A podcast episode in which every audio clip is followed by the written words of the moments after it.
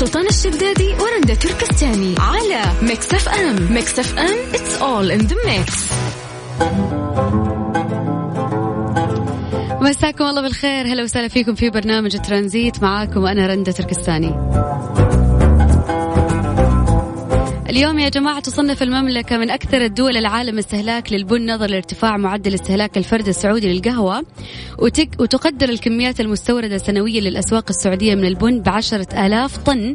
يبلغ معدل إنفاق السعوديين على إعداد القهوة أكثر من مليار ريال بواقع يتجاوز 60 ألف طن حسب تقديرات وزارة البيئة والمياه والزراعة ودراسات جامعة الملك عبد العزيز. يعني هل وصل فعليا فينا إدمان القهوة لهذه المرحلة؟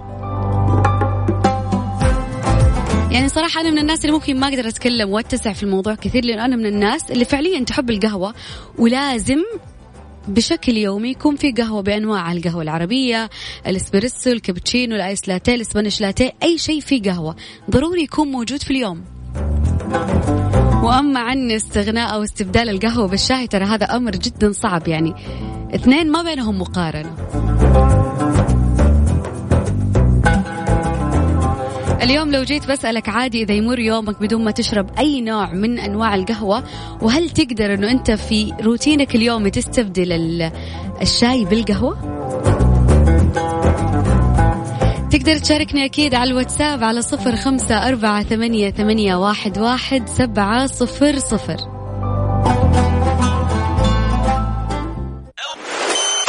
ترانزيت. مع سلطان الشدادي ورندا تركستاني على Mix FM. Mix FM it's all in the mix.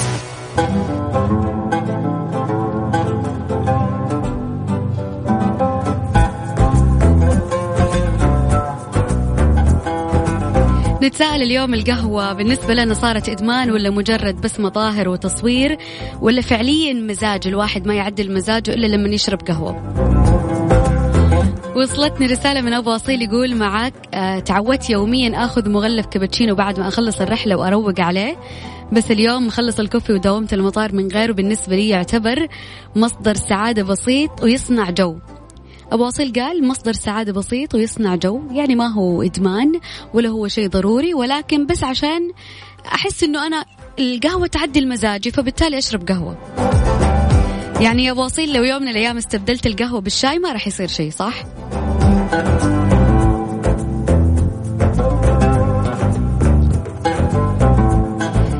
قولوا لي اليوم إذا صارت القهوة معاكم إدمان لأنه في ناس ممكن بس تشتري القهوة عشان تصور تحط صورة في سناب تكتب كلام خصوصا إنه دحين الشتاء داخل علينا تكتب كلمتين حلوة وتصورها في سناب وبعد كذا تعطيها أي أحد أو ممكن ما تشرب القهوة أو مو مزاج أو مو إدمان أو مو شيء ضروري. أذكركم بأرقام التواصل مرة ثانية على الواتساب على صفر خمسة أربعة ثمانية, ثمانية واحد, واحد سبعة صفر صفر. نروح مع عبد المجيد. عبد الله ما كان هذا حب ونكمل معاكم في الترانزيت. ما سلطان الشدادي ورندا تركستاني على Mix FM Mix FM it's all in the mix.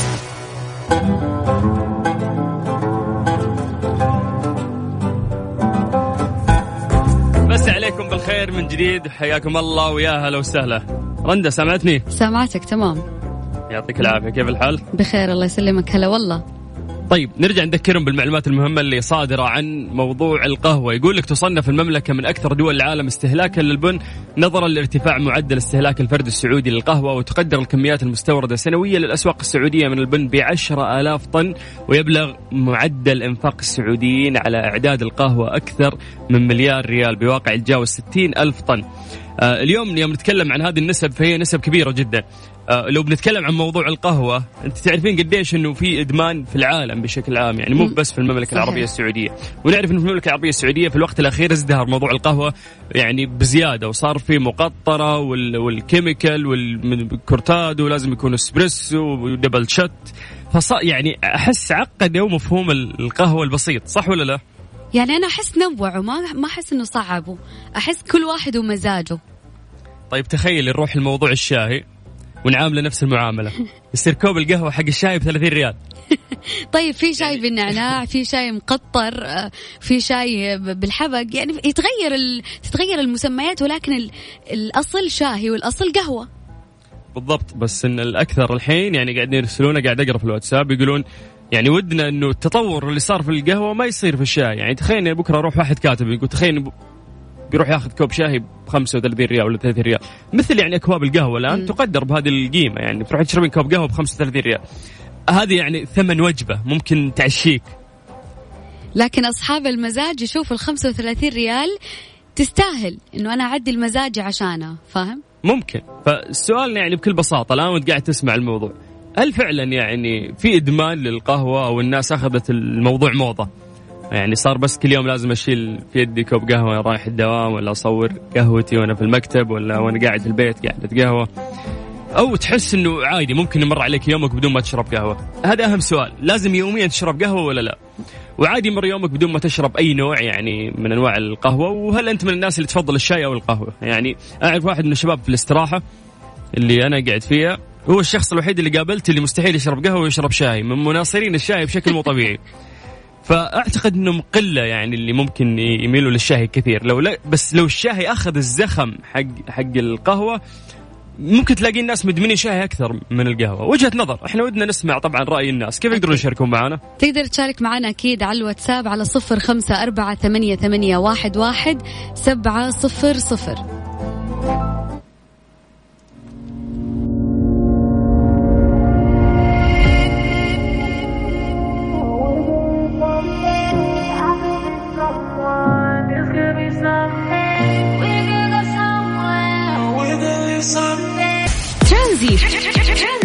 سلطان الشدادي ورندا تركستاني على ميكس اف ام. Mix FM it's all in the mix.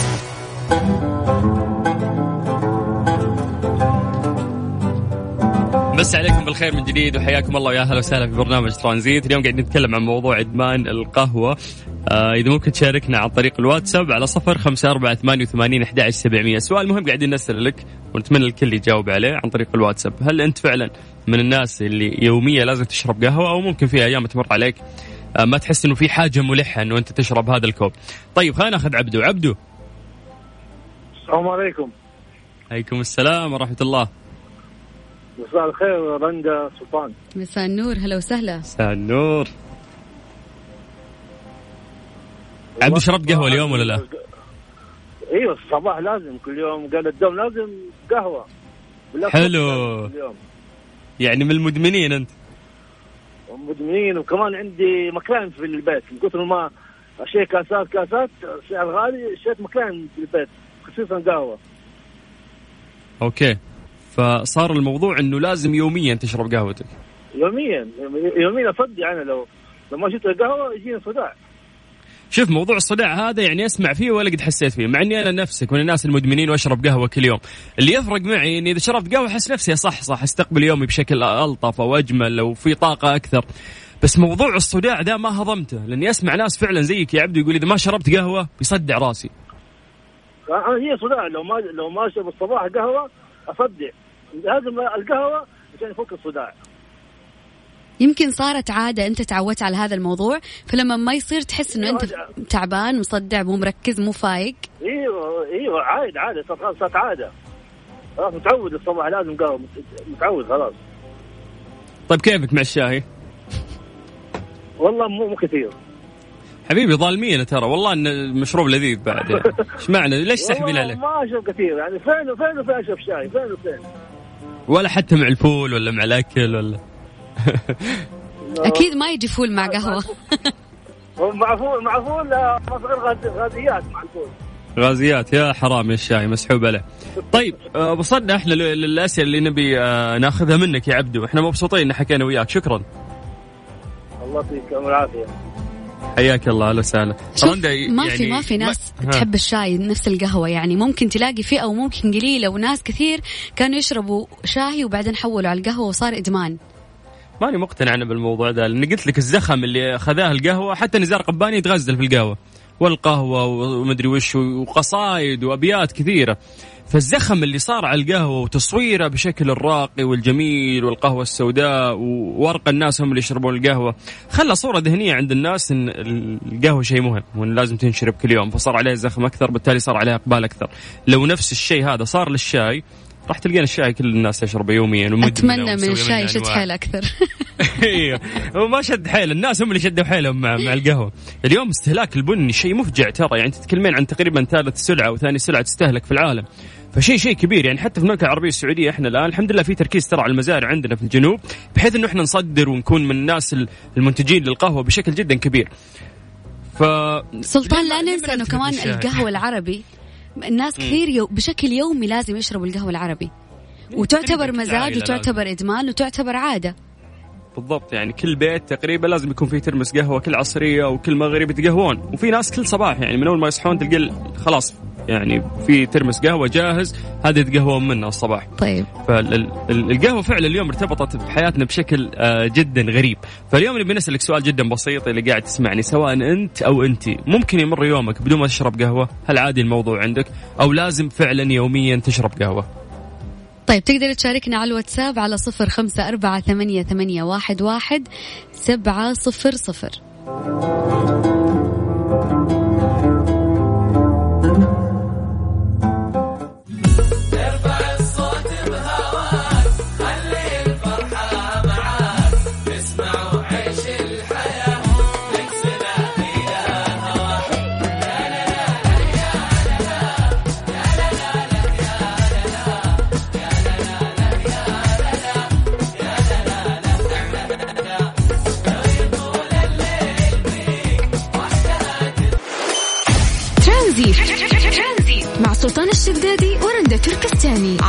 ميكس اف ام ميكس اف ام it's all in the mix هذه الساعة برعاية فيرجن موبايل وساكو. استفيدوا من عروض ساكو السنوية لأن العرض الخطير على طول يطير. ورونا قديش أنتم سريعين.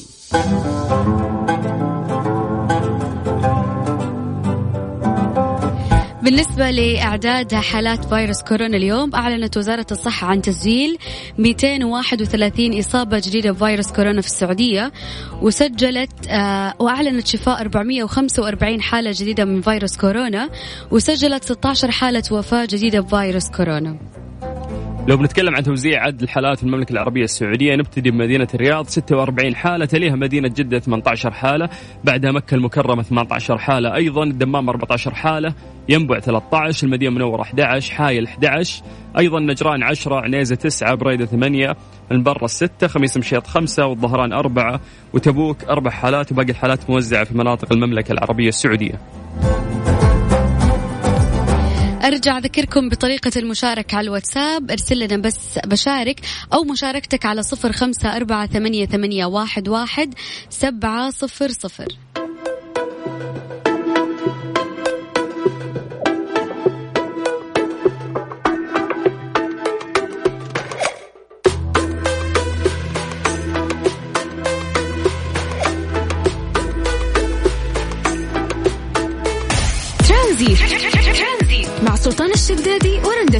تركستاني على ميكس اف ام ميكس اف ام it's all in the mix هذه الساعة برعاية فيرجن موبايل وساكو. استفيدوا من عروض ساكو السنوية لأن العرض الخطير على طول يطير ورونا قديش أنتم سريعين. بالنسبة للتعليقات اللي وصلتنا بخصوص إدمان القهوة عبد الله من جدة يقول أنا شبه مدمن قهوة لازم يومي أبدأ فيه بكأس قهوة وإذا ما شربت أنفس وأصدع وأقل شيء في اليوم لازم كاستين قهوة وبالتوفيق للأهل اليوم. وبالتوفيق للاتحاد كمان يا عبد الله يعني ما توصل لدرجة أنه أنت تنفس. وبالتوفيق للهلال والنصر بعد. في مباريات كثيرة اليوم. أولها الاتحاد والفيصل اليوم آه، خمسة و... ستة إلا ستة إلا ربع. طيب, طيب. أبو سامي يقول لازم أخرج من البيت والقهوة في يدي ولا اليوم كله يصير ملخبط. كل الناس تتفق على إدمان القهوة إلا يوسف الشمر يقول أنا من الناس اللي ما كنت أشرب قهوة نهائيا لكن الفترة الأخيرة صرت أشتغل وظيفتين ونومي صار محدود فاضطر أشرب قهوة عشان بس أحافظ على تركيزي أما اللي يقول أصدع فأنا أشوفه مأفلم وهذا رأيي الشخصي. طيب أنا عندك. أنا عندي د... أنا عندي دراسة بخليهم يبطلون قهوة إيش رأيك؟ يلا قول يقول لك طويلة العمر آه، شرب القهوة أو الشاي في أكواب ورقية يجعلنا نبتلع 25 ألف جزيء من المواد البلاستيكية الدقيقة تخيل أن مع الحرارة هذه المواد البلاستيكية ممكن لا ترى بالعين المجردة. خليني أعطيك الدراسة كاملة. حذروا العلماء من أن شرب القهوة أو الشاي في أكواب ورقية ليس مجرد إهدار المال فحسب بل يعرضك أيضا لخطر ابتلاع الآلاف من المواد البلاستيكية الدقيقة. وكشفت الدراسة الجديدة أن مشروب ساخن في الأكواب الورقية يمكن أن يتلوث بجزيئات البلاستيك الصغيرة في دقائق معدودة. ويأتي هذا التلوث من البطانة الداخلية للكوب التي تجعلها مقاومة للماء كما تجعل من الصعب إعادة تدويرها. قالوا الباحثون إن إذا صبوا موية ساخنة في أكواب ورقية بحجم 100 ملي وتركوها لمدة 15 دقيقة هذا هو الوقت وفق الاستطلاعات الذي يفضله معظم الناس لأنها مشروبهم. يعني يقولوا لك أنه أنت إذا حطيتي قهوتك أو الشاي حقك يعني تقريبا ربع ساعة تكون خلصتي الكوب ما تتعدين هذا الوقت. فيقولون لك في أثناء هذا الوقت يوم فحص الباحثون الماء الساخن تحت مجهر قوي وجدوا في المتوسط 25 ألف قطعة بلاستيكية دقيقة لكل كوب. كما تم العثور على معادن مثل الزنك والرصاص والكروم في الماء واقترح الباحثون أن هذه المواد جاءت من نفس البطانة البلاستيكية. طبعا اللي يتكلم عن هذه الدراسة آه اسمه سودها جويل مؤلف الرئيسي للدراسة هذه من المعهد الهندي للتكنولوجيا. فتكلم عن أن الشخص العادي الذي يشرب ثلاثة أكواب عادية من الشاي أو القهوة يوميا في كوب ورقي سينتهي به الأمر بتناول 75 ألف جزيء صغير من البلاستيك الصغير غير المرئي للعين المجردة. يعني في اليوم راح يدخل بطنك 75 ألف جزيء وانت قاعدة تشربين من هذه الأكواب كوب واحد البلاستيكية. فقط تخيل. كوب واحد 25 فأنت إذا بتشربين كوبين يعني أو ثلاثة كوب في اليوم فأنت تقريبا 75 ألف جزيء في بطنك بلاستيكي. طيب دائما لك العلماء دائما العلماء ترى كانوا يحذرون يا رندا عن عن هذا الموضوع الأكواب. البلاستيكية. طيب كملي. كانت جزيئات البلاستيك التي تم تحديدها بحجم ميكرون بالمقارنة يبلغ عرض شعرة الإنسان 25 ضعف هذا الحجم مو شيء بسيط. وأضاف الدكتور اللي نشرت دراسته في مجلة المواد الخطرة تعمل اللدائن الدقيقة الدقيقة كناقل للملوثات مثل الأيونات والمعادن الثقيلة السامة مثل البلادينيوم والكروم. وعند تناوله بانتظام بمرور الوقت قد تكون الآثار الصحية خطيرة. وهناك قلق متزايد بشأن البلاستيك الموجود في تغليف المواد الغذائية ولكن هناك القليل من الأدلة حول كيفية تأثيره على صحة الإنسان.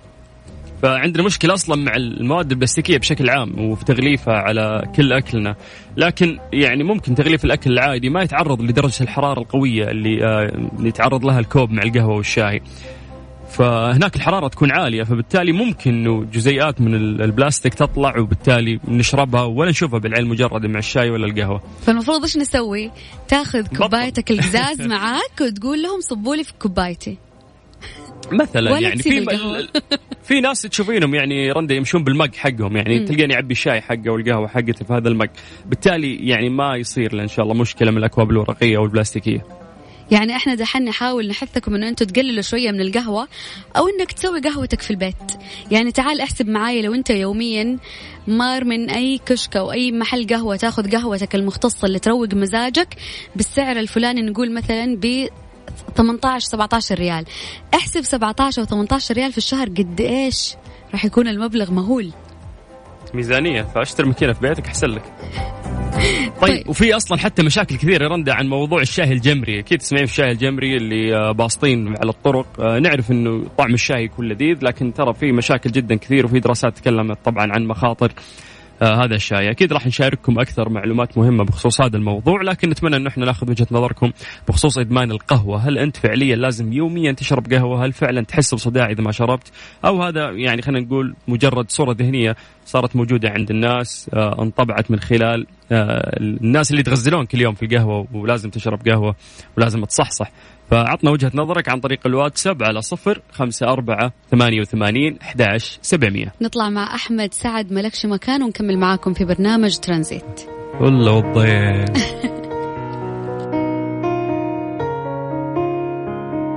نفسك ترجع انسى ملكش مكان.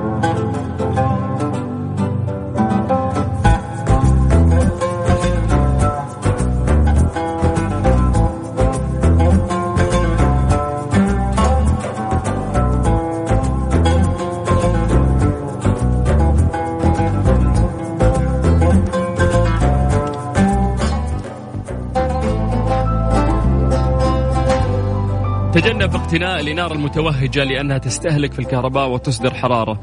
آه، أيضا بطاقة كفاءة الطاقة الإنارة تساعدك في اختيار الإنارة الموفرة للطاقة وخليك في مستويات الأخضر عشان ما تزيد الصرفية عليك. طيب خلينا أذكركم بأرقام التواصل على الواتساب على صفر خمسة أربعة ثمانية, ثمانية واحد, واحد سبعة صفر صفر. سمعنا كل الأغاني الحلوة باقي نسمع نوال القلوب الساهية ونكمل معاكم في ترانزيت. هذه الساعة برعاية فريشلي فرف شوقاتك. وباندا وهيبر باندا. ستة سيارات ملكية. وجوائز خيالية ل 42 ألف رابح من باندا وهيبر باندا. ولسه اللي بيننا أكثر. مكملين معاكم في برنامج ترانزيت. معاكم أنا رندا وزميلي سلطان اليوم شوية دراسات ثقيلة على القلب ولكن يعني هذا الأمر الواقع. الدراسة الثانية اللي عندنا تقول إنه 45% من سكان الأرض راح يعانوا من زيادة الوزن بحلول عام 2050 وإيش السبب؟ تعالوا نعرف إيش السبب. توقع دراسه أجراها معهد بوتسدام لأبحاث التأثيرات المناخية إنه 45% من سكان العالم راح يعانوا من زيادة الوزن بحلول 2000 عام 2050 بسبب العادات الغذائية الغير صحية. وأكدت الدراسة وفقا لصحيفة الديلي ميل البريطانية أن العادات الغذائية العالمية تغيرت على مدار العقود الماضية حيث أهمل العديد من البشر تناول الخضروات والأغذية الصحية في حين ركزوا على استهلاك الأغذية المصنعة والمنتجات المنتجات اللي تحتوي على نسب عالية من البروتين والسكريات والكربوهيدرات. طبعا أضافت أن هذه العادات الغذائية غير الصحية ساهمت في معاناة 29% من سكان العالم بحلول 2010 من الوزن الزائد كما ارتفعت نسبة البدانة لدى بعض الدول مثل الولايات المتحدة الأمريكية اللي شهدت ارتفاع معدل السمنة لدى سكانها من 35 في الفترة من 2009 2010 إلى 42 في الفترة ما بين 2017 و 2018 يعني معدل النمو آه، في زيادة الوزن في سنة واحدة آه، كان كبير وأكدت الدراسة أن 45% من سكان العالم سيعانون من الوزن الزائد في حين سيعاني 16% منهم من البدانة بحلول 2050 إذا لم يغير الأفراد من سلوكياتهم وعاداتهم الغذائية غير الصحية. اليوم قدامك 30 سنة. بعد 30 سنة الكرة الأرضية وسكان الكرة الأرضية راح ينقسمون لنصفين. نصف منهم بدين ونصف منهم عادي. فأنت من اليوم لازم تختار خيارك وتستثمر في جسدك. قاعدة أحسب كم, كم راح يكون عمري إن شاء الله إذا ربي أعطانا طولة العمر بعد 30 سنة. لكن إذا إحنا ما بدينا من اليوم إنه إحنا ناكل الخضار والألياف والأشياء المفيدة نبعد عن الأغذية المصنعة اللي يدخل الميكرويف يقول لك في خمس دقائق أو عشر دقائق تلاقي وجبة غداء كاملة جهزت في غضون عشر دقائق وأنت ما أنت عارف من إيش مصنعة هذه الأكلات الجاهزة. أو نقدر نقول ال junk food اللي هي الأشياء اللي غير مفيدة للجسم أساسا. وقاعدين نبعد عن الخضار والفواكه والأشياء اللي ممكن تساعدنا على نزول الوزن. كم diet في حياتك سويت عشان ما توصل لمرحلة البدانة؟ قدامك اليوم ثلاثين سنة عشان تحافظ على هذا الوزن المثالي اللي أنت اليوم فيه. طيب هذه الدراسة هي جانب مظلم. لو ننتقل للجانب المشرق من الموضوع نسمع أكيد أنه في الفترة الفترات الأخيرة يعني زاد في آه، حملات التوعية بخصوص الأكل آه، المفيد والأكل الغير مفيد. فهذا الشيء ممكن حسن عند ناس جدا كثير آه، يعني نظامهم الغذائي. وأصبحوا إنهم يبعدون عن الأشياء السيئة ويحافظون على جسدهم ويأكلون أكل صحي ويمارسون الرياضة بشكل منتظم. فهل تحس فعلا هذه الدراسة ممكن تنطبق علينا بعد 30 سنة من الآن وراح يكون نصف سكان الكرة الأرضية وزنهم زايد؟ أو تحس إنه لا يعني الحملات هذه راح تساعد في الناس يكون عندها وعي أكثر وبالتالي يحافظون على صحتهم وعلى أجسادهم. تقدر تشاركنا على الواتساب على صفر خمسة أربعة ثمانية, ثمانية واحد, واحد سبعة صفر صفر.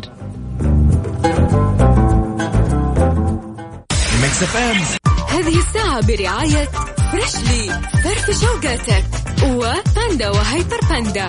ستة سيارات ملكية وجوائز خيالية ل 42 ألف رابح من باندا وهيبر باندا. ولسه اللي بيننا أكثر. مسا عليكم بالخير من جديد وحياكم الله ويا أهلا وسهلا في برنامج ترانزيت، نعرف انه إحنا داخلين فصل الشتاء الآن والأجواء قاعدة تبرد في كثير من مناطق المملكة، نعرف انه في وصفات شعبية كثير آه، تطرأ. عفوا في هذا الوقت. يقولون لك إذا كان عندك احتقان إذا أنت حسيت مثلا بالانفلونزا الموسمية فاستخدم في الشيء الفلاني واستخدم الشيء الفلاني وتدهم بالشغلة الفلانية.